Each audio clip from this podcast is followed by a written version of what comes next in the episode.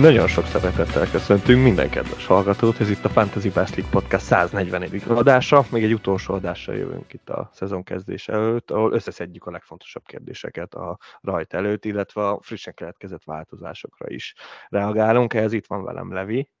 Sziasztok! Illetve a Discord szerver egyik legjobb menedzsere, és hát mondhatom úgy is, hogy Levi egyik legnagyobb ellenfele, Alex, Discord szerver csodálatos arca. Sziasztok, üdv újra itt. Így van, így van. Hát aki már korábban járt itt nálunk, szóval ha ezen az adáson túl érdekel titeket Alex játékstílusa és FPL-el való kapcsolata, akkor azt a 60. adásunkban tudjátok meghallgatni. Úgyhogy ez már ilyen, ilyen rég volt, de aztán voltál még nálunk, de, de ott, ott veséztük ki ezeket a dolgokat. Na de hát akkor kezdjünk egy bemelegítő kérdéssel, és hát azt tenném fel, hogy mennyire te tetszik idén az FPL itt Game Week 1 előtt. Gondolok az árazásra, az izgalmas kérdésekre az utolsó pillanatokban, és hát itt főleg a korábbi szezonokat figyelembe véve. Nagyon tetszik az idei játék. Én úgy gondolom, hogy a prémium játékosokat nagyon jól árazták, amelyik része nem tetszik, az pedig, hogy a közép árfolyamos vagy a fél prémium játékosokat kicsit alul lőtték, és ezáltal nem hagynak annyi teret a játékban, hogy kibontakozzunk. Érdekes. Igen, ez, ez egy olyan, én, én erre azt mondtam a Levének is, hogy, hogy, hogy szerintem most kicsit váltottak, és, és én is látom benne, hogy ez, ez baj lehet, de, de most itt ilyen bőségzavaró van, azt érzem itt sok árkategóriában, úgyhogy, úgyhogy nekem így ilyen félig tetszik, és félig értem, hogy ki mit mondasz ezzel kapcsolatban.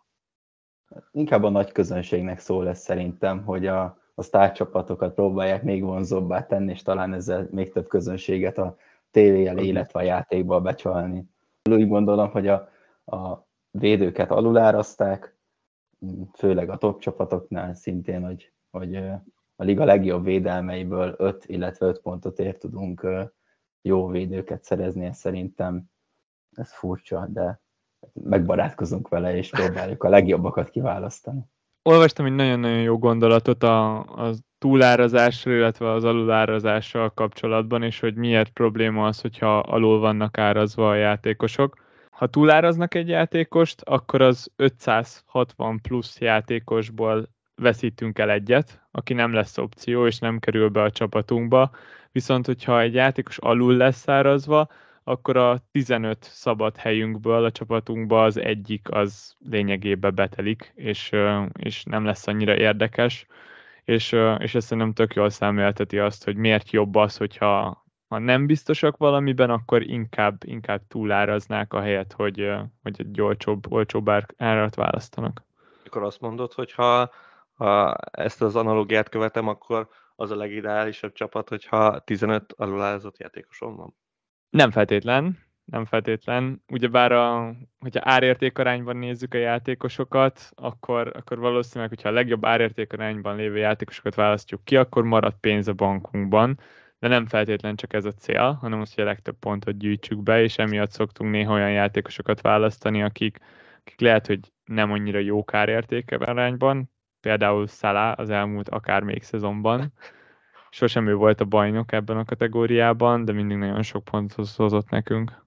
Az a baj azzal, hogy alulárasztak jó játékosokat, hogy nem kényszerítenek minket nagy és komoly döntésekre. Szóval hiába van jól árazva Haaland, hm. Salah, Trent, mivel olcsóak a, a Saka és Bruno félék, ezáltal megférnek így egymás mellett, és nem kell eldönteni, hogy éppen melyiket hagyjuk ki, vagy tegyük be. Hát, hát azért egy nagy kérdés van, tehát azért Salah az az mindenek fölött van, és, és hát szerintem ez az egyik legnagyobb kérdés itt idén, hogy most akkor Szalá van annyira jó, hogy itt a nem tudom 9.0-ás alternatívákat figyelemen kívül hagyjuk, vagy nincs ilyen jó. És ez itt a nagy kérdés, ugye Levi? Igen, én, én azt érzem, hogy, hogy itt az első forduló előtt kicsit, kicsit meg tudjuk fejteni a játékot. Szóval, hogyha lenne egy évünk arra, hogy felkészüljünk itt az első fordulóra, ez már abszolút az elméleti FPL kategória, de egy idő után már annyi szempontból vizsgáljuk meg az összes opciót, hogy egyszerűen rájövünk, hogy mi az, ami a legjobb. És persze ez, ettől eltérhet itt az első forduló, de valahol mégis ezt érzem, hogy kicsit meg tudjuk fejteni. Szerintem egy nagyon nagy csavarás ebben az egészben az lehetne, hogyha ha mondjuk miután kijönnek az árak, utána rögtön egy hétre ráindul a játék, és nem lenne elég Igen, időnk igen, arra, igen, hogy igen. igazán elmélyedjünk ebben az egészben. Nyilván ez a, ez a hype-nak ártana, de, de szerintem nagyon érdekes lenne. És nem is tudnánk túl gondolni, hogy egy hónap alatt a játékot. Viszont ha már itt a megfejtett csapatnál járunk, akkor arra gondoltunk, hogy itt a nem sokára itt van a deadline, egészen konkrétan kevesebb, mint 24 óra múlva, mire ti ezt hallgatjátok, már nem lesz sok időtök változtatni a csapatotokon, az is lehet, hogy az első forduló már lejárt, de próbáljuk úgy szerkeszteni ezt az adást, hogy azért legyenek érdekes infók a következő fordulókra is. Viszont az első és a legfontosabb, hogy meglegyen a Game Week 1-es csapatunk, és, és arra gondoltunk, hogy ebben a megfejtett játékban előveszünk egy template csapatot, egy sablon csapatot, amit én dobáltam össze, igazából olyan játékosokból, akik szerintem nagyon-nagyon jó opciók, nagyon stabilak, és nagyon jó választásnak ígérkeznek, mindemellett nagyon népszerűek is, és jó sok csapatban láttam őket, és az lesz a célunk, hogy megvizsgáljuk, hogy hol tudunk eltérni, tudunk-e javítani ezen a csapaton, vagy, vagy érdemes-e neki vágni a szezonnak ezzel a csapattal. És akkor először ismertetem a csapatot veletek.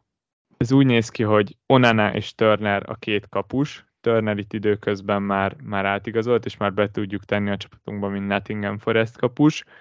A védelem Estupinyanból, Gabrielből és Stonesból áll, a padon pedig ott van Botman és Beyer. A középpályán Saka Martinelli, Rashford Bruno és Embeumo, a csatársorban pedig Haaland, Watkins és Mubama van ott.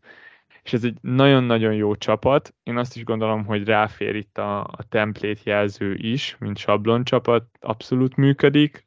Nagyon népszerűek ezek a játékosok, és még mielőtt így a posztokba belemennénk, kíváncsiak, hogy mi a gondolatotok arról, hogy, hogy milyen egy template csapattal kezdeni, van-e azzal gond, hogyha azzal indulunk, vagy ez egy jó taktika lehet-e esetleg? azt gondolom, hogy egy template csapat nem véletlenül alakul ki, hiszen, a, hiszen sok menedzser úgy véli, hogy ez lenne a, a legideálisabb összetétel, és tőlük várják a, a legtöbb pontot. Szóval alapjáraton nem, nem olyan ördögtől való egy ilyen csapattal elindulni, de mindenképpen érdemes azért egy-két ponton szerintem belejavítani, vagy próbálkozni valami újdonsággal, eltérővel. Én nem tudom én se szebben mondani, én mindig próbálkoztam korábban ettől eltérni, és aztán Game Week 1 amikor elkezdődött ez az egész, akkor nagyon eltértem tőle, és abból soha nem jöttem ki jól. Egy, talán egy szezon uh, kivétele e közül, és, uh, és hát figyelj, tehát egy template csapatára indulsz, akkor nem lehet baj. És, uh, és akkor, hogyha ha ezzel elindulsz, akkor, akkor tudod, hogy, hogy hogy egy nagyon jó, stabil uh, helyezésed lesz. Nem tiéd lesz a legjobb, mert nyilván nem tiéd lesz a legjobb, de viszont uh, ha ez működik ez a csapat, akkor, akkor ott leszel az élmezőnyben. És ha meg nem működik, akkor meg igazából ugyanúgy kell reagálnod a dolgokra, mint, mint mindenki másnak, aki nagyon hasonló csapattal indul el. És itt persze egy-egy változtatással egyébként nagyon nagyot lehet, lehet nyerni, mint ahogy itt az Alex is mondta, tehát érdemes lehet egy-egy arccal próbálkozni, de összességében én azt gondolom, hogy, hogy jó, ez, ez egy masszív csapat, amit itt felsoroltál. Máté, a te válaszodat tudom erre a kérdésre, úgyhogy most Alex felé fordulok. Mennyire zavar Alex az, amikor egy-egy játékosod nagyon sok csapatban ott van, és jelen van, és nagyon sok menedzsernél látod? A kezdésnél nem zavar, hiszen többször beszéltünk már róla, hogy a játék elején megnyerni nem lehet a szezont, viszont elveszíteni el lehet. Éppen ezért, hogyha valahol, valamelyik játékos nagyon sokszor szerepel, és nagyon, nagyon népszerű, az ellen nem szeretek menni így a legelején, hiszen indokolatlan kockázatot én sem szeretnék vállalni. Adom, abszolút adom, amit mondasz, és egyet is értek. Uh, amikor kiposztoltam az első fordulós csapatomat tavaly a Discordra, akkor annyit írtam hozzá, hogy unalmas, de ez van, és, uh, és egész jól bevált, szóval Szóval hasonlóképpen gondolkodok én is erről. De akkor nézzük meg, hogy hogy, hogy is néz ki ez a csapat. És akkor kezdjük rögtön a kapuban, mert itt, itt egy egész nagy változás következett be, ahhoz képest, amikor még a kapusokról és a védőkről podcasteltünk Mátéval. Turnert hivatalosan is leigazolta a Nottingham Forest, és nem csak leigazolta, hanem, hanem már a játékban is egy Forest játékos Turner, 4.0-ért, jelen pillanatban ő a Forestnek a kezdő kapusa. Állítólag a Forest érdeklődik Henderson iránt, de itt még elég sok a kérdőjel. Most éppen lesérült a United tervezett második számú kapus Heaton, és úgy néz ki, hogy, hogy lehet, hogy emiatt pont, hogy maradni fog Henderson. Lényeg a lényeg, nem tudjuk, hogy mi lesz. Azt tudjuk, hogy az első pár fordulóban Turner fog védeni a Nottingham Forest kapujában. Mennyire tekerte meg ez itt a, a ti gondolataitokat. Ugyebár itt az Onana Areola volt mondjuk az átigazolás előtt talán a legnépszerűbb kapuspáros. Változtat-e bármint az, hogy leigazolta Turner a Nottingham Forest? Nagy mértékben változtat szerintem. Egyrészt szerintem a Nottingham nem második számú kapusnak igazolta a Turnert. Meg a Turner sem hiszem, hogy második számúnak elmenne Nottingham Forestbe. Ebben nem nagyon látok logikát. Innentől kezdve pedig, hogyha van egy 4.0-ás kezdő kapusa egy vállalható alsó közép kategóriás csapatnak, akkor őt egyszerűen nem lehet kihagyni a csapatunkból. Ez így van, de, de akkor ugye én, én ezt már így nyilván teoretikusan beszéltünk erről a kapusoknál, mert már akkor is ez, ez, ez plegyka volt, és, és akkor innentől kezdve viszont nálam az Onanára elkötött 5.0 az felesleges egész egyszerűen. Tehát itt, itt ha egész simán beraksz mellé egy 4.5-ös kapust, megnézzük, hogy melyikkel rotál a legjobban, vagy igazából kiválasztjuk a Johnston-t, aki önmagában baromi jó választás lehet egész szezonra, és akkor, és akkor meg vagyunk. És van egy két kapusunk, ha véletlen úgy jön ki, hogy Johnstonnak rossz meccse van, akkor, akkor berekjük Turnert, akinek meg mondjuk jobb meccse van, és nem kell Onanával végtolni az egész szezont. Mert Onanát viszont már nem fogod valószínűleg kirakni maximum a Manchester City ellen. Alapjáraton ezért nagyon sokat változtatott a játékon, mert Turner van annyira jó kapus szerintem, hogy nem csak a padon akarod elrohasztani. Tehát ő neki lesznek olyan jó meccsei otthon, főleg a tavaly Nottingham azért hazai pályán nagyon sok meccset egy 0 megnyert, úgyhogy biztos fel lesznek clean sheetjei, és épp ezért ő, ő lesz néha-néha kezdő opció. Ezért pedig fölösleges talán mellett egy 5.0-ás kapus. Úgyhogy kinyitott egy új ablakot itt az utolsó egy napra. A, a védések azok biztos meg lesznek, szerintem egy, egy Forest kapusként Turnernél. A, ami nálam nagy kérdés, hogy bár nem kell végtelenül sok clean sheet, azért szerintem jó lenne, hogyha 38 forduló alatt összehoznánk egy 10 kapott gól nélküli meccset, meccset a kapuban, és ez, ez párosulna védésekkel és bónuszpontokkal. Szerintetek önmagában a Forest képes lehet 10 kapott gól nélküli meccsre egy szezon alatt? Szerintem igen. Szerintem is képes lehet, főleg, hogy most nagyon ketté szakadt a mezőny, és elég sok csapat küzd, ezért szerintem hazai pályán elég sok meccset képesek lehetnek kapott gól nélkül megúszni. Megmondom, én még jobbnak gondolom őket, mint amilyenek tavaly voltak. Nyilván nincsen magasan a lét, de, de ez egy, ez egy okés keret. Tehát vannak, és, és vannak nagyon jó játékosok ebbe a csapatba, főleg ott elől, hátul meg ilyen, ilyen rutinos arcok, akik még a BL-ben is játszottak, szóval én, én, én várok tőlük egy, egy viszonylag stabil teljesítményt, és akkor igen, itt jön a kérdés, hogy miért ne próbáljuk meg a stabil két 4 pont nullás kapusra lesz az egészet. Tavaly nagyon, nagyon csúnya, csúnya vége lett Danny Wardnak, de, de azért Danny Warddal csúnyán elbántunk már Game Week egy előtt is, és most itt Turnerrel abszolút egy ilyen pozitívabb hangvétel van vele szemben. Abszolút, hát most azért Danny Wardot és uh, a Turnert egy lapon említeni, az elég merész. Eleve a két De... csapatot is, mert ott azért láttuk, hogy a Leszteri védelem az eléggé a világban áll. Igen.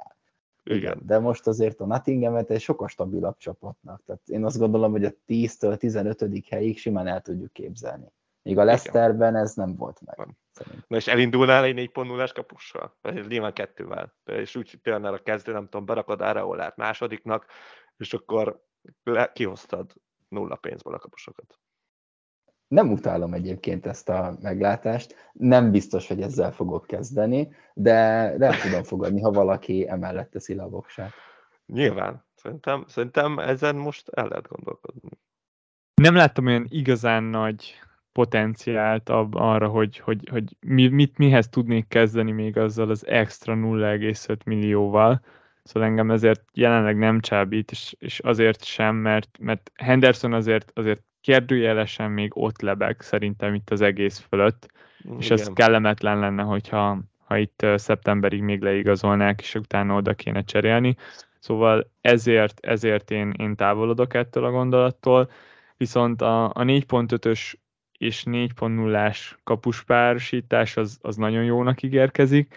Engem ami a legjobban zavar, az az, hogy, hogy, hogy nem láttunk még igazából jó Crystal Palace kapust egy szezonon át, szóval tényleg Hodzon már régóta volt tényező ebben a palázban, és, és valahogy sosem értek oda a kapusai, pedig hát korábban se volt példátlan az, hogy egy 4.5-ös kapusot legyen a top 3, top 5 kapus környékén, de valahogy sohasem a Palace kapusok értek oda. És ez, ez, ez valamennyire zavar azért. Azért tegyük hozzá, hogy itt most az első wildcardig gondolkodunk, így elsősorban a, a két kapussal, szóval addig meg bőven vannak jó meccsei a, a Forestnek, és csak egy jó alternatívát kell találni, aki lehet egy, akár egy palászkapus is, nem feltétlenül kell, hogy ő mondjuk a szezon végéig nagyon jó legyen, szóval Me, meg lehet próbálni. Így van, meg hát itt lehet Pickfordot is akkor már választani, Fleckent, Steel-t, tehát mondom, itt, itt, itt én még nem néztem meg nagyon ezeket a párosításokat, de szerintem már van erre egy ilyen megfejtés, hogy na most akkor ezeket válasszuk, itt jönnek ki a jó hazai meccsek, és akkor... Nagyon-nagyon jó. Szóval úgy néznek ki ezek a megfejtések, hogy, hogy rendesen nehéz választani, mert az egyik jobbnak tűnik, mint a másik. Na, hát igen. És szerintem ez a kulcs az egészben, hogy, hogy lehet, hogy Johnston önmagában még nem érne a csúcsra, viszont itt egy, egy rotációról van szó, és az igazán-igazán legrosszabb meccsekre csak behozhatjuk Turnert, hogyha éppen úgy jön ki a lépés, és ez a, ez a kombináció ez nekem is nagyon erősnek érződik. Szóval jelenleg most közelebb állok ehhez a 4.5-ös kapus és, és egy 4.0-ás Turner kombinációhoz, mint Onanához. Szerintem mindig vagyunk. Akkor menjünk tovább a védelemre. Nekem talán a védelemben van a legtöbb kérdőjel a jelenlegi csapatomban, és, és ez, ez részben azért van, mert bár említettük korábban, hogy mennyire jó a City sorsolása, nagyon félek attól, hogy, hogy nem lesznek meg a percek, és ott leszek 5 pontot ért egy olyan védővel, akinek a, a plafonja az nagyjából egy clean sheet, viszont lehet, hogy nem számíthatok rá minden egyes fordulóban, és amikor 6 pont a plafon, olyankor, olyankor egy, egy, mondjuk egy 6 meccses vagy 8 meccses szériában az átlagot nagyon le tudja rontani, hogyha ha nem áll rendelkezésre minden meccsen az adott játékos. És, és pont ezért kezdtem el aggódni Stoneson, mert, mert bár szuper az, hogy, hogy középpályásként játszik, de, de akkor is nagyon aggódok a percek miatt, itt is Pep félek. Alex, te hogy állsz jelenleg, hogy állsz a City védőkhöz? Nagyon nehéz megfejteni továbbra is Guardiolának a gondolkodását, és tovább nehezíti a dolgot Guardiol leigazolása, és még tovább nehezíti azt, hogy most már legalább két különböző formációt is tud a pályára küldeni, vagy négy védős rendszert, illetve a három védővel ezt a VM rendszert, és egyik sem Stones kedvére fog játszani, én úgy gondolom. Egyik azért, mert a rotációja, megvan a másiknál, meg pedig középpályáról megvan a rotációja, ezért nagyon nehéz ezt megfejteni az ő játékpercét, és hogy mikor, melyik meccsen hány percet fog kapni. Szerintem ez, ez nagyon így van. És, és hát igen, itt a, a mindig, mindig a diáshoz kötünk ki, de, de én meg most ez a Guardiola igazolással most kezdek úgy lenni, hogy meg, meg, meg, itt már megbeszéltük ezt a Turner 4.5-ös kapust, hogy, hogy bármennyire jó ez a City sorsolás, és bármennyire akarjuk, most a figyelj, ha kivesszük onnan a kapuból, akkor miért ne rakjuk be a City védő helyett a sót? És igazából ezen próbálok így lamentálni, és, és nem tudom, hogy miért ne tegyük meg. Hasonló, hasonló helyen jár az én gondolatom is. Alapvetően zavar az, hogy itt egy, egy közép hátvéd az, akit, akit nagyon szeretnénk megszerezni a Cityből, míg mondjuk uh, ott van vagy akár Show, vagy, vagy Chilwell, akik abszolút támadó szellemű szélső hátvédek, és azt érzem, hogy, hogy több bennük a potenciál pont emiatt, és, és náluk kevésbé kell aggódni a percek miatt. És azt érzem, hogy itt két pozitívum jön, és nem igazán látom a negatívumot. Persze az ott van, kihagyjuk a Citynek ezt a nagyon jó sorsolását, és én főként nem Sean, hanem Chilwellen gondolkoztam, azért, mert már nagyon sokszor mondtuk, hogy mennyire jó lesz a sorsolása a Citynek a harmadik fordulóvotól kezdve. És itt azt szeretném megkérdezni tőletek, hogy hogy látjátok a védelmeteket, vagy akár ennek a template csapatnak a védelmét a harmadik fordulótól kezdve. Mennyi az esély arra, hogy, hogy le fogjuk igazolni Chilwellt, mert hogyha leigazoljuk, akkor, akkor ott lényegében beírunk magunknak egy cserét ceruzával a füzetünkbe előre, és akkor nem lenne érdemes City védő helyett akár Chilwell elkezdeni. Vagy jobban tetszik nektek show, adott esetben az egyik City opció? Szerintem mind a kettő verzió jobbnak tűnik, mint Stones jelenleg, hiszen én állam onnan mellett azt szólt, hogy mindenképpen akartam egy United védőt. És félmillióval olcsóbban kaptam a személyében. Na most mivel ugye lecseréljük a kapust, ahogy beszéltük, vagy lecseréljük majd nem, ez még nyilván kérdőjel, de mondjuk, hogyha lecseréljük azt az onanát, akkor show opcióvá válik. És ugyanígy a, a Chilwell is, vagy a James is, még őt, őt is behoznám ebbe a játékba, hiszen nem is biztos, hogy meg kell válni ezt a harmadik fordulót. Itt van a második fordulóban egy olyan West Ham, akinél azért eléggé rezeg a léc, és ott a Moisos történet, meg csatárgondok és társai, szóval az sem tűnik egy olyan nagyon-nagyon komoly ellenfélnek. Szóval itt a, a hazai púlon túl vannak, onnantól kezdve a Chelsea nagyon vonzó. Úgyhogy szerintem a Stones mindenképp érdemes valamelyik irányban eltolni és ezzel talán fogni egy kicsit a template csapaton. Én, én a Chelsea-t még mindig, én még mindig várakozó állásban vagyok. Tehát én, én azt érzem, hogy, hogy ott Game Week 3-ra két cserénk van, alapból nem tervezek cserét, és, és ott nem érzem azt, hogy, hogy ez akkora bűn lenne, hogy én Week 3-ban szemezgetek Csillvállal, és, és adott esetben ezt a pinyá helyett én, én bedurrantam majd a csapatba. Főleg úgy, hogy biztos, hogy lesz a bankban annyi pénz, hogy, hogy be tudom hozni. Szóval így, így én, persze lehetnek a sérülések, és akkor lemaradhatok, de akkor is két cserém lesz. Tehát az nagyon, ahhoz két sérülésnek is be kell itt hirtelen villannia, vagy piros lapoknak, vagy nem tudom minek, és akkor pekesnek érezném magam nagyon erősen. Igen, érdekes, hogy, hogy behoztad Estupinyánt, hogyha ha most ezt a legelőször említett hármas nézzük, az Estupinyán, Stones és, és Gabrielt, és tételezzük fel, hogy most a pénz nem számít. Szerintetek itt ebből a hármasból melyikük fog kiesni a, a harmadik fordulóban? Máté mondtad, hogy szerinted akkor Estupinyán tűnik Szerintem a leggyengébb láncemnek, oda, oda kell majd a csere, de ott ugye bár az 0,5 plusz Chilwellig, Uh, Alex, szerinted is ezt Tupinyán esnek ki ebből a, ebből a hármas védelemből, hogyha be akarjuk hozni valamelyik csázist?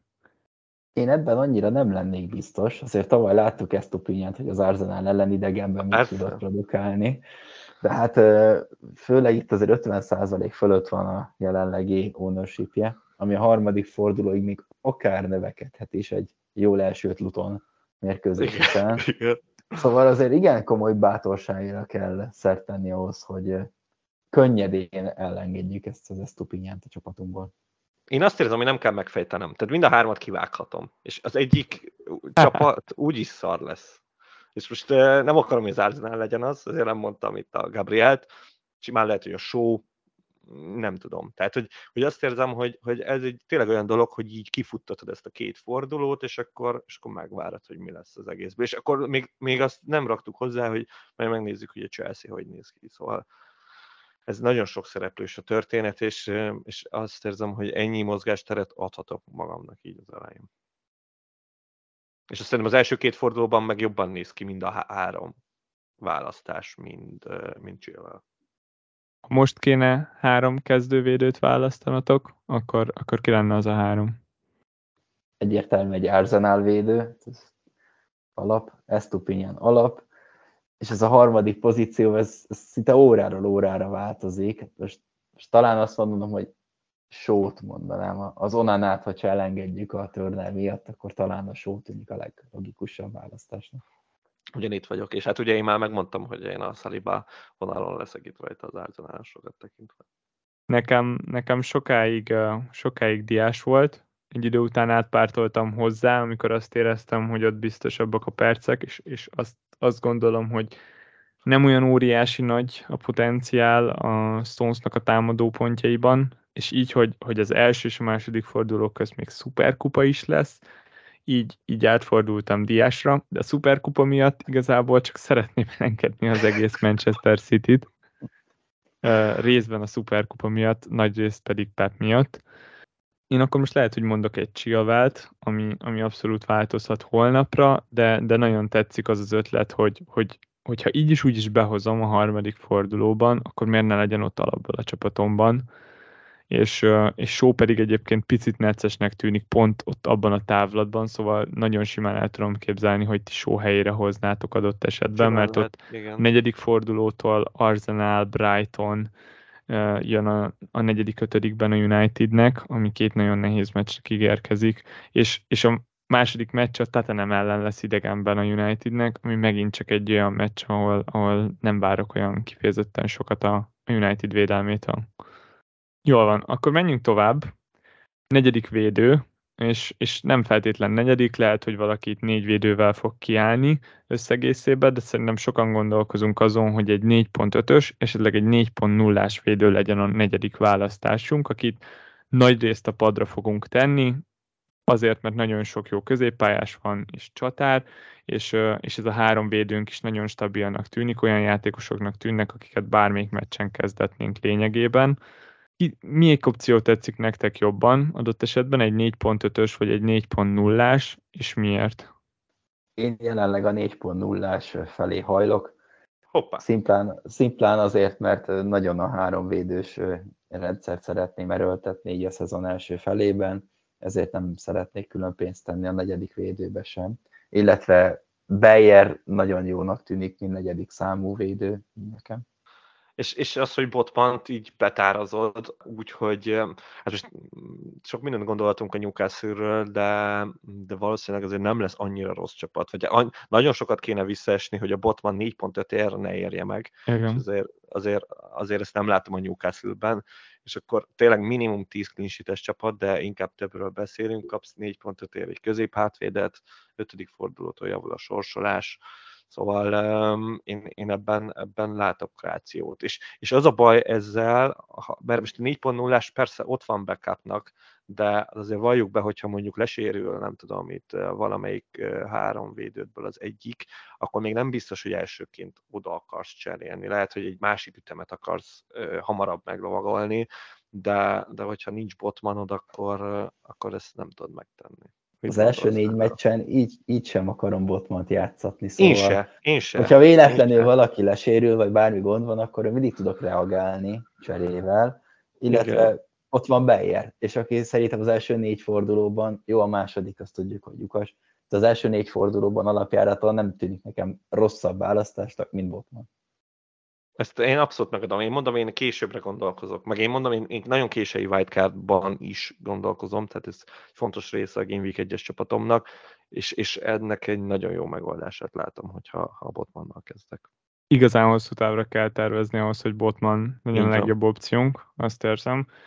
Más 4.5-ös védő, tetszik nektek? Henryt láttam még viszonylag sok csapatban, a Brentfordból, sőt egyre többen választják a Spursből az új bal hátvédjüket. 4.5-ért nem tűnik rossz választásnak, vagy igen? Én egyelőre kerülöm a, a Spurs-os védőket. Először megnézzük, hogy mit tudnak így a élesben, aztán ha nagyon jó lesz, akkor még akár a szezon közepétől pikk is lehet. Hát most itt, itt Game Week egy előtt a Newcastle védelem az, az körökkel jobb, mint a Spurs védelem, úgyhogy így, így nem, nekem az ott, ott nincs, nincs, nincs verseny a két játékos között. Persze lehet, lehet egy nagyon jó pick, majd az az udogi, de, de Game Week egy előtt a stabil fine pickeket akarjuk. Akkor már inkább egy Aston Villa felé mennék, aki szerintem erősebb csapat, jobb csapat, így első körben, és, és onnan is lehet négy pontotos védőket szerezni. Igen, viszonylag, viszonylag könnyen. Hogyha már ennyire sok jó 4.0-ás opciónk van, ki az első kedvencetek, és ki a második? Hogy adjunk alternatívát azoknak is, akik két 4.0-ással kezdenének. Én Beyer és Boldog pártján vagyok. Aha. ha, vállalható. Hát én, én, én is a boldokon nagyon gondolkozom, de de lehet, hogy ha mondjuk másodikat kéne, akkor lehet, hogy a Caborét raknám be a Lutonból. De ez, ez a Caboré Boldog kettős, ez, ezt láttam, hogy sok helyen ilyen nagy kérdőjel. Nyilván mind a kettő szélsővédő. Hát Lutonos valószínűleg többet fog játszani így percekben, de a Sheffield jobb csapat. Hát itt ilyen örök dilemmák. Nekem az az egyetlen egy bajom, hogy a Luton annyira gyenge, hogy, hogy hiába tetszik Caboré, simán el tudom képzelni, többször szerez mínuszpontot, mint, mint értelmezhető. De nem tudom, én, én, én nagyon, nagyon remélem, hogy, hogy, hogy így beállnak tíz emberrel, és, és, és okoznak kellemetlenséget. Tehát igazából nem tudnak más csinálni, csak védekezni. És, és abba, abba lehetnek clean meccsek szerintem. Tehát bennmaradás nem biztos, de, de clean meccsek lehetnek.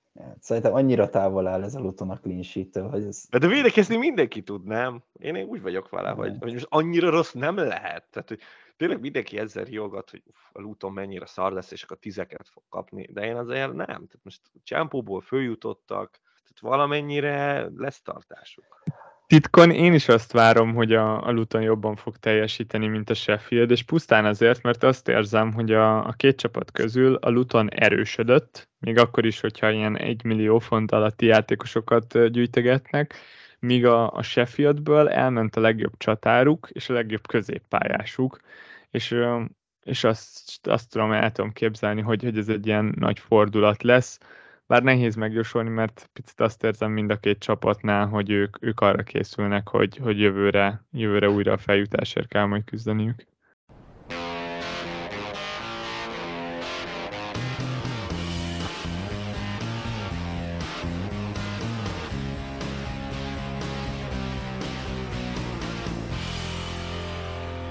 Folytassuk a középpályával, és azért is akartam tőletek hallani két 4.0-ás védőt, mert, mert van egy draftom, amiben szerepel Szala, és, és ahhoz bizony kell két 4.0-ás védő, és van egy olyan draftom is, ami, ami pedig egy picit készül Szalára, mert a Liverpoolnak, Liverpoolnak lesz még itt jó sorsolása, még akkor is, hogyha azt, azt beszéltük, hogy az eleje talán nem a legideálisabb, de a, a negyedik forduló után már egész, egész jó lesz, és arra gondoltam, hogy mi lesz, hogyha ha nagyon jól fog kinézni Szala az első pár fordulóban.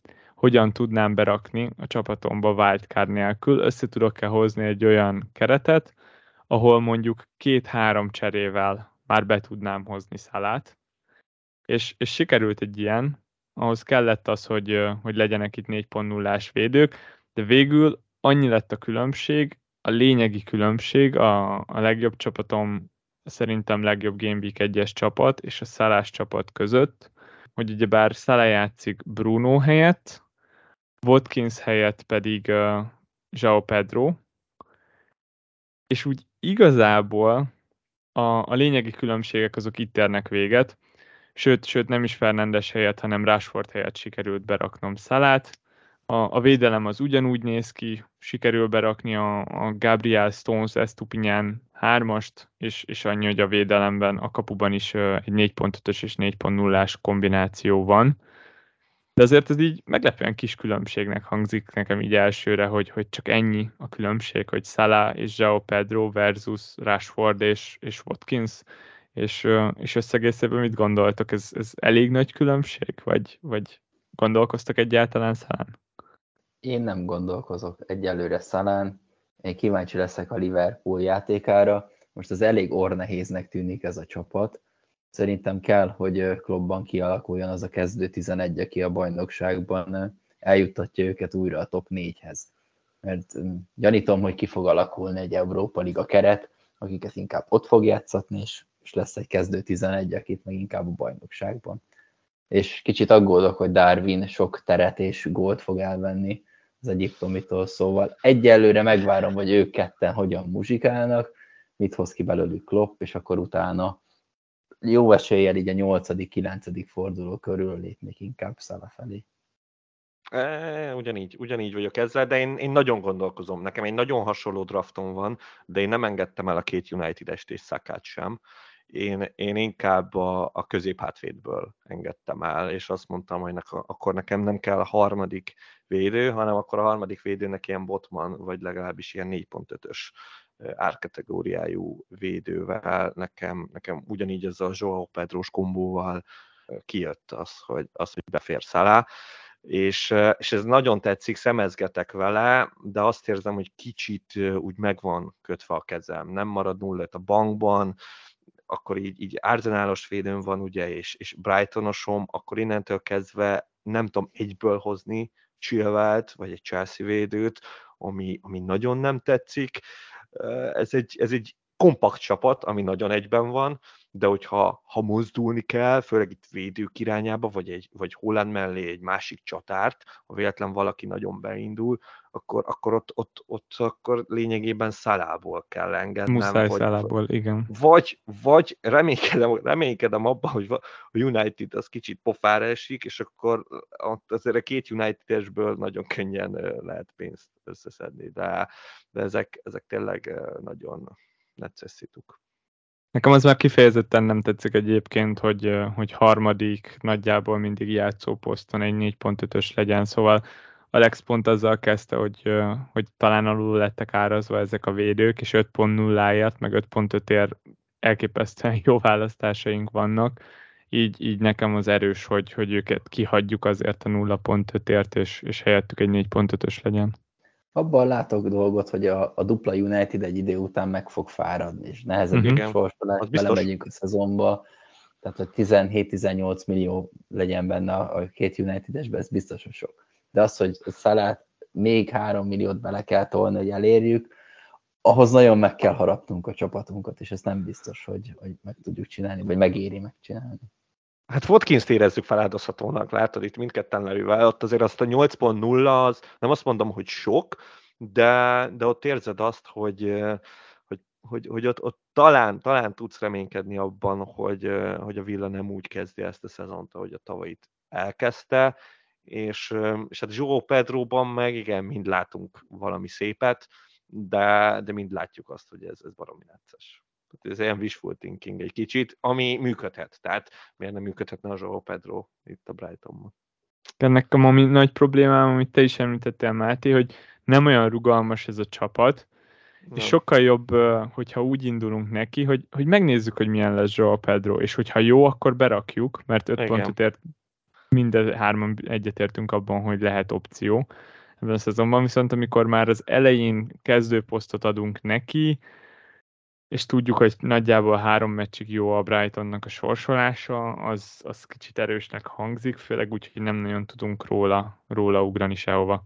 Na, ha már dupla United és, és dupla Arsenal középpálya, nagyon népszerű szerintem ez a, ez a kombináció, hogyha ha az egyiket fel kéne adni, és csak, csak az egyikőjükre duplázhatnátok rá, akkor melyik csapat lenne az? Ki a leggyengébb láncem? Az nagyon nehéz kérdés, nagyon, um, nem is tudom, hogy első, első fordulóra szerintem mind a kettőnél a duplát kell erőltetni. Tehát szerintem túl jó a sorsolás ahhoz, hogy, hogy elengedjük bármelyiknél is a duplát. Hogy utána kitengedni kell, hát ezt szerintem hogy az első egy-két meccs után tudnám eldönteni. Nagyon nehéz. Szerintem ez, ez egy nehéz szitu nyilván itt a Martinellit mondaná mindenki, vagy sokan őt érezzük a negyediknek. Én őt mondanám most. De, de, de, de az a szitu, hogy, hogy azért veszélyesebb játékos, mint Bruno. Csak a Brunónál ott van, ott van minden, ami a Bruno jelenséget övezi, és, és ezt nyilván nem, nem tudja senki se figyelmen kívül hagyni, de hogyha most megnézzük ezt a négy játékost, akkor, akkor, akkor a Fernandesnek lehet a, a legvédekezőbb szerepe a, így összességében. Legkevésbé támadó inkább. Legkev, inkább mondjuk így, hogy legkevésbé támadó. Martinellit még támadóbbnak mondanánk, mint Szakát, csak közben, közben van ez az egész Trosszárd jelenség, ami mögötte van, ö, amivel viszont lehet, hogy nem kell foglalkozni. Már 70 perc alatt is nagyon faszapik lehet Martinelli. Érdekes, amit mondasz. Én, én kiemelném azért Ashfordot is. Én benne sem vagyok annyira biztos, az hát. 9.0-ért akkora pik lesz ebben a szezonban. Tehát főleg akkora itt a, a harc, akár 7 pontötökért Luis diaz el lehet érni például. És ott a Höjlund igazolás azért eléggé bekavarhat az ő perceinek. Jó, de nem az elején. De, de nem az elején. Nem az elején, igen, nem az elején, de egy harmadik, negyedik fordulóban már simán látom magam előtt. Állítólag az Arzenál meccset tervezik a, az első meccsének. Aztán nem tudom, hogy mennyire raknák be egyből a Meg hát még nem is egészséges. Én úgy még tudom, jelenleg nem, igen. Sérüléssel küzd, szóval az még dupla deficit, igazából edzeni se tud a csapattal, tehát először még edzések, beépíteni, én még az Arsenal meccsen is meglepődnék, hogyha ő kezdene, de persze berakhatják, mert tényleg ott az egy elég erősen hiányposzt, és ott lehet, hogy friss lábakkal is kezdeni fog. Én, én egyébként egyetértek Alexal, lehet, hogy Brunót Rashford elé raknám, ez főleg azért, mert a, a, a tavalyi szezon vég az, az, az még úgy, úgy előttem van, és, és ott egyértelműen jobb opció volt Bruno, aztán meglátjuk, hogy, hogy honnan vesszük fel a, a fonalat. Hát de látod, nem is küzdött is a United, érted? Tehát azzal küzdött, hogy, hogy nem volt, aki befejezze a helyzeteket. És, és, és ahhoz, hogy a United jó legyen, ahhoz, hogy a Unitedből két pikket berakjunk, ahhoz a Rashfordnak kérdés nélkül jónak kell lennie. És, és akkor ilyen szempontból meg mondjuk igen, lehet, hogy rossz lesz a United, és akkor inkább Brunót hagyjuk bent, mert ő benne, mindig benne van ez a kis, nem tudom, random assist, meg, meg random gól, még a Rashfordban meg nem, de ezt tényleg csak akartam elképzelni, hogyha a United tényleg nagyon gyenge lesz. Igen, négyük közül összegészében én Martinelli miatt aggódok a legjobban, viszont nála annyi a pozitívum, hogy nagyon neccesnek érzem azt, hogy őt, őt kihagyjuk, és nem igazán látom az, az alternatívákat középpályán, még akkor is, hogyha sok jó opció van, kezdésnek, kezdésnek tetszik Martinelli.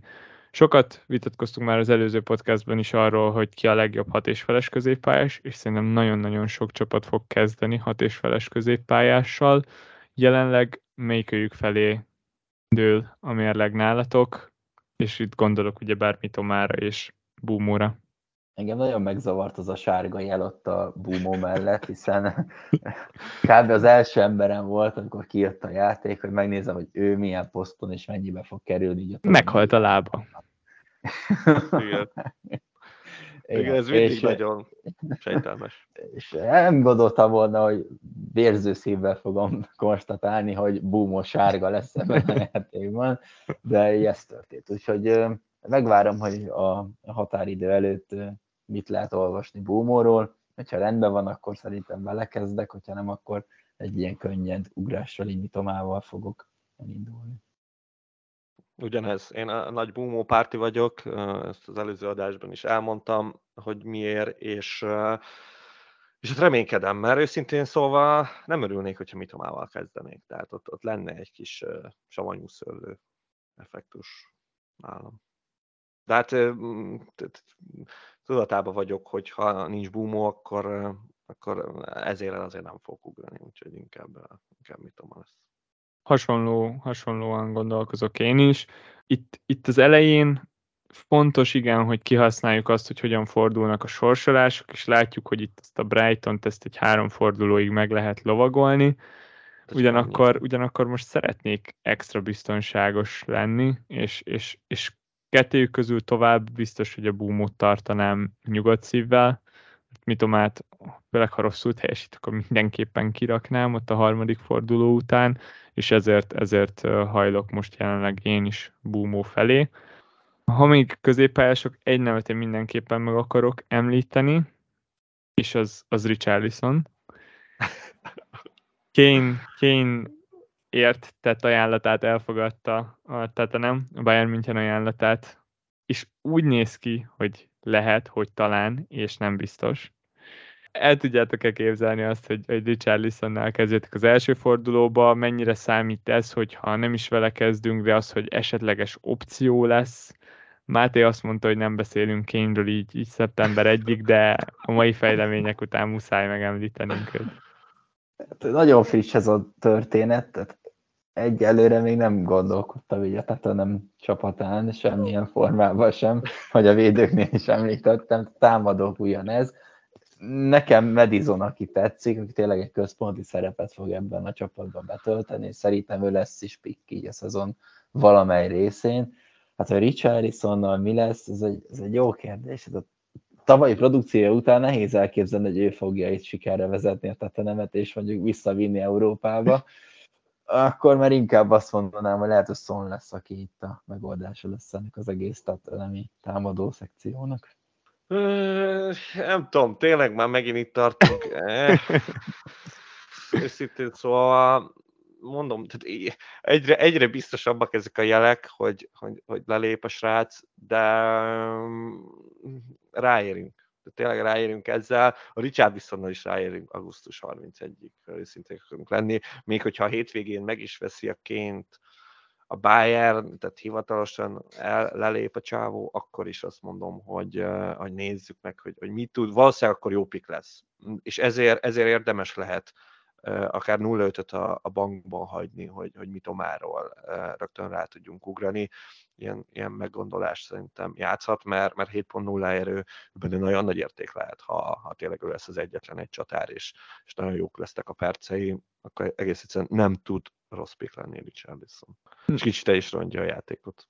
És főleg ezért tettem fel ezt a kérdést, mert a jelenlegi hírek szerint, hogyha Kane távozna, akkor, akkor nem igazolna egy, egy Richarlison nál jobb csatárt a Spurs, és Richarlison lenne a 9-es ennek a csapatnak, és más posztokon erősítenének, és, és, és én se kezdenék Richarlisonnal, viszont szerintem érdemes így a, a fejünkben egy ilyen gondolatot előtetni, hogy, hogy lehet, hogy ez még jobban megerősíti az öt középpályásos rendszereket, még egy opció, aki nagyon jónak ígérkezik, és nagyon jó lehet, és, és ahogy mondtad, hogy ha, ha tényleg ez a forgatókönyv bekövetkezne, akkor, akkor bizony lépnünk kell majd, és, és jó opciónak ígérkezik, még ha nem is rögtön, és nem is azonnal, de kb. lehetetlen elképzelnem, hogyha ha ő lenne a tetenem csatára, akkor, akkor ne lenne egy nagyon jó FPL opció.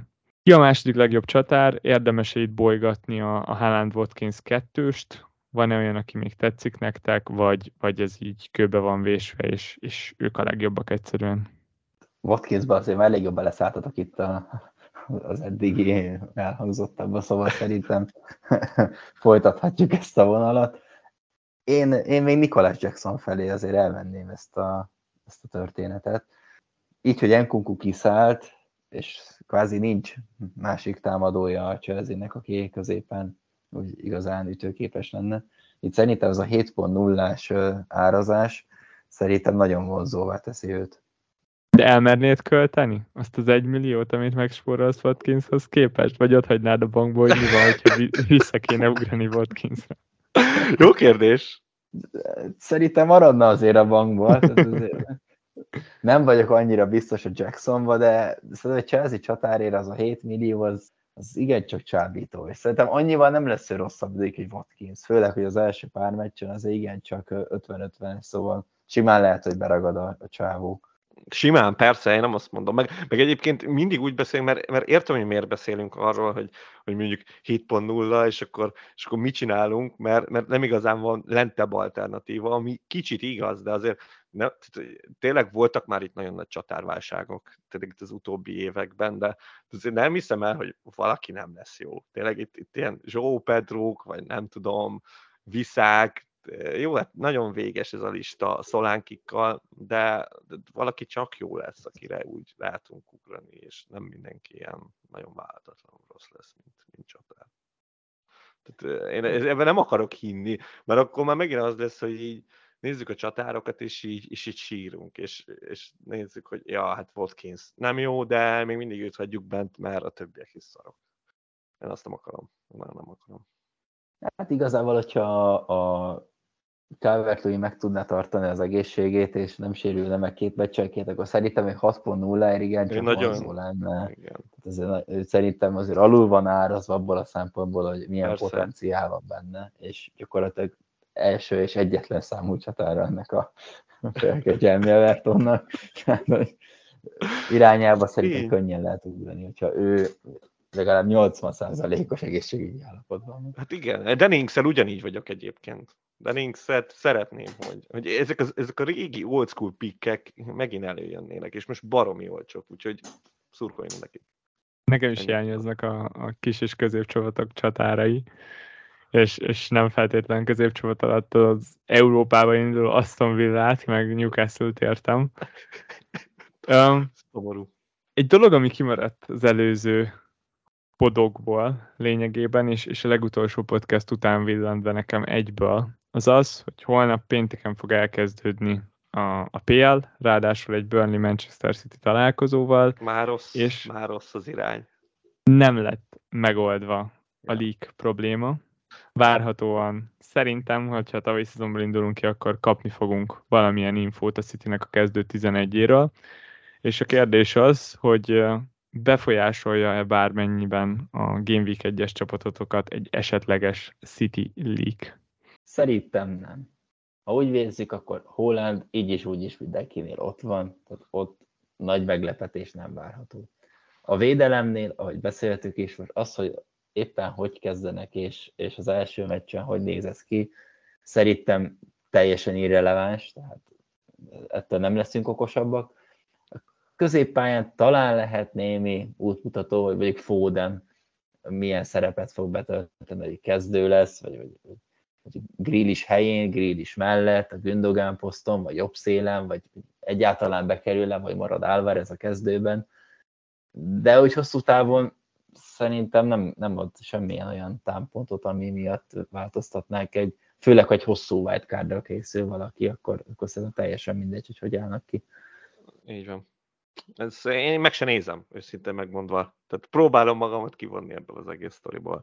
Mert, mert tényleg nem, nem, nem kapok plusz információt egész egyszerűen. Nagyjából tudjuk a dolgokat, persze örülünk, hogyha Foden kezd, és akkor berakjuk legalább egy meccsit, tudjuk, hogy kezd, de nem biztos, hogy eléri a 60 percet, szóval ebbe, ebbe nem érdemes teljesen felesleges belemenni. Ez, ez Game Week 1 előtt, ez a leak, tehát amikor jön ez a BL, meg minden, akkor, akkor, akkor úgy tényleg van, van ereje a leaknek, de most Game Week egy előtt egy leaknek, őszintén szóval nem látom magam előtt, hogy bármennyire is lenne befolyásoló tényezője. Én csapatomat annyiban mégiscsak befolyásolná, hogyha ha terveznék egy City védőt, és, és megtudjuk, hogy nem kezd, akkor, akkor azon pillanatban kivágnám, az biztos. De, de valahol az van, amit mondtok, hogy ha itt izgulnunk kell, és várjuk a leaket egy adott piknél, Az akkor baj. valószínűleg az már, már régen rossz indulásból. Érdekességképpen egyébként a, a, City kezdőt megjósoló, megtippelő mestereknél én azt láttam ö, Twitteren, hogy, ö, hogy Álvarezt és Podent is várják a kezdőbe erre a Igen, meccsre. mert- Igen, mert KDB valószínűleg nem fog kezdeni. És, ö, és Pontosan. ez, ez, ez ennek, ennek köszönhető ez az egész, egész dolog. Igen, de akkor, akkor, akkor nem csábítanak titeket sem. Á, abszolút nem. Na és akkor még egy kérdés, van-e bármilyen betervezett cserétek, így az első pár fordulóra, olyan, ami valószínűbb, hogy meg fog történni, mint hogy nem, és hogyha igen, akkor, akkor mi az, és hogy, hogy hogyan látjátok itt az első 6-8 forduló alakulását, van-e bármilyen észrevételetek, van olyan, amire számítatok, esetleg bármilyen meglepetés, vagy ehhez hasonló?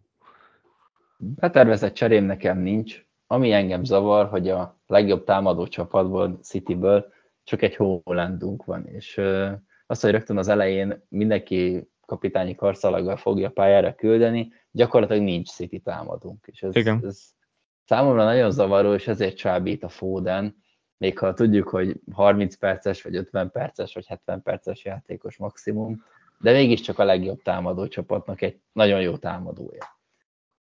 Értető, teljesen értető. Én hasonlóan voltam Fodennel, és, és már sok mindent leírtam itt Game Week egy előtt, hogy mit csináljuk Fodennel, de, de most úgy vagyok vele, hogy, hogy persze, kecsegtető, de, de inkább csapdának érzem, mint sem egy valós, reális, jó opciónak.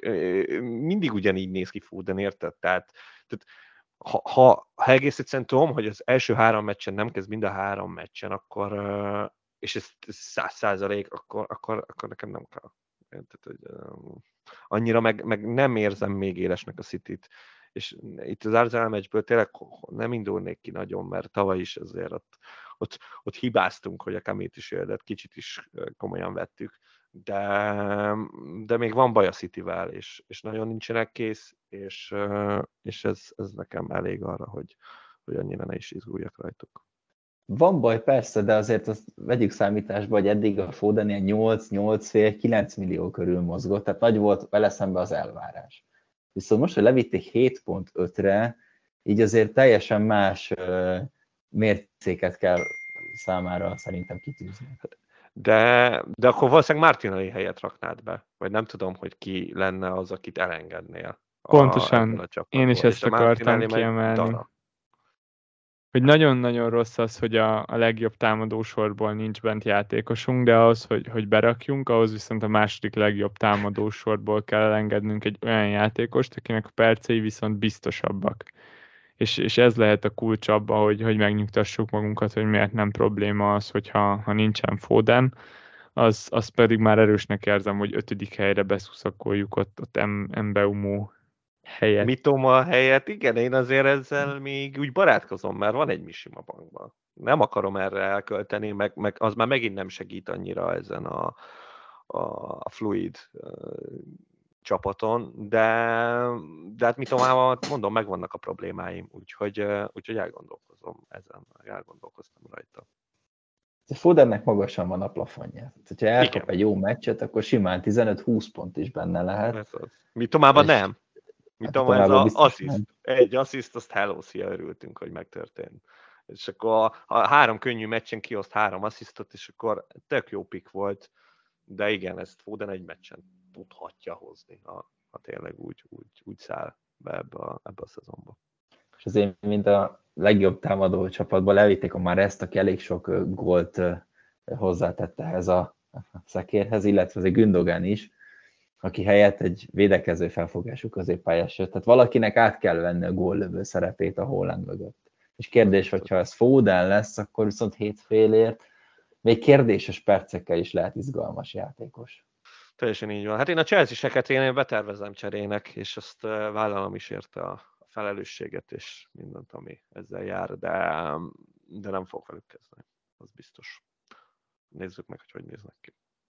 Mint utolsó gondolatként szerettem volna kiemelni azt, hogy milyen fontos meccseket nézni így az első pár fordulóban, mert jelenleg most tudunk támaszkodni itt az első forduló előtt a tavalyi statisztikákra, arra, amit tavaly láttunk, itt sok minden fog változni, még akár jól működő rendszerek is megváltozhatnak, gondolok itt az Arzenára, akik, akik simán lehet, hogy egy működő rendszeren fognak tekerni egyet, és, és változtatni, pont ezért azt érzem, hogy itt az első pár fordulóban különösen fontos az, hogy mit látunk, mert, mert egy forduló statisztikái, vagy két forduló statisztikái olyan sokat még nem mondanak el, és sokkal többet ad hozzá azt szerintem, hogy mi az, amit látunk. És erre felfűzve azt akarom megkérdezni tőletek, hogy melyik meccset várjátok a legjobban a hétvégén, melyiket szeretnétek a legjobban megnézni a nyitó meccs mindenképpen érdekelne, hiszen azért egy hosszú idő után végre Premier League mérkőzést láthatunk. Így, hogy péntek esti rangadóval, hogy nézzük egy kis City a nagy City ellen. Kis kopasz a nagy kopasz ellen. Igen. Igen. A kidobós kopasz.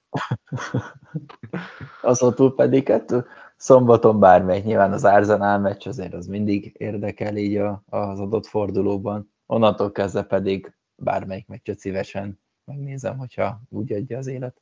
Hát nekem nyilván lesz itt egy rangadó, azt meghagyom szerintem Levinek, de nekem a, ami, ami nagyon nagy kedvencem, és nagyon-nagyon kíváncsi vagyok, és tényleg mindkét csapatra érdemes odafigyelni, mert mert, mert hát jó csapatokról beszélünk, az a Newcastle Aston Villa. A Newcastle nekem teljesen vak volt, hogy, hogy mi lesz velük, hogy, hogy kezdik ezt a szezont, tényleg tudják-e tartani azt a teljesítményt, amit, amit tavaly hoztak, és hát az úgy jelzik az az Aston Villára is, ahol, ahol meg, meg kicsit ilyen szerkezeti változás is van, meg érdekes pikkek lehetnek mindkét csapatból, egy kicsit ilyen kivárós az egész uh, helyzet uh, mindkét csapatnál, úgyhogy, uh, úgyhogy ja, én a, én a Castle Villának vagyok egy ilyen nagy híve.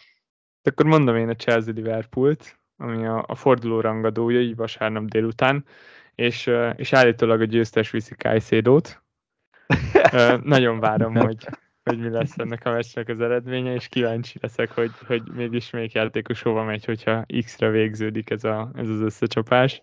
Szerintem nagyon pikáns lesz, és, és biztos vagyok benne, hogy ezúttal nem lesz 0-0 ez a meccs. De hát ugyanígy mondhatnám egyébként a United Wolves-t is, ami annyira kíváncsi vagyok, főleg így, hogy a Wolves négy nappal a szezon kezdetük előtt kirúgták az edzőjüket. Mennyire izgalmasabb csapat? Zseniális. Talán. Szerintem, ja, szerintem király. Ja, de szerintem jóval izgalmasabb. Egyetértek. Ugye? Ez Gary O'Neillnak ez működik. Szerintem ő, ő egy top 10-es csapatban visszahozza a wolves Nem, amúgy nem, ez vicc, de mm, adom. Ha már nem esnek ki, az is király. Rem... ez nem így jellemezném, hogyha nem esnének ki. Remélem, hogy, hogy megindítja a United a wolves a Csempó felé vezető úton, és, és ez így szépen kereken lezárná ezt az első fordulót. Na és hát köszönjük szépen Alex, hogy elfogadtad a meghívásunkat. Jól átbeszéltük szerintem itt a template csapatokat, és hát sok sikert kívánunk neked a, a következő szezonra. De ne túl sokat. a lehetőséget. Köszönöm a lehetőséget, hogy újra itt lehettem.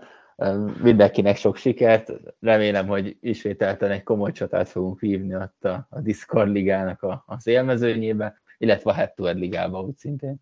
És hát most már tényleg nem lesz több podcastunk itt a, a szezonkezdés előtt, úgyhogy én is csak azt tudom mondani minden hallgatónknak, hogy, hogy sok sikert, és eddig volt a nagy agyalás része ennek az egész játéknak, és ezután ez csak még jobban hatványozódik, de hát ez a szép ebben. Úgyhogy hát jövünk majd jövő héten is már a friss élményekkel.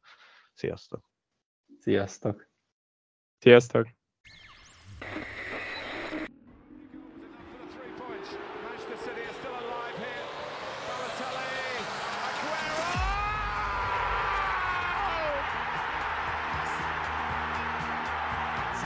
Pontosan ilyen szenvedéllyel készítjük termékeinket.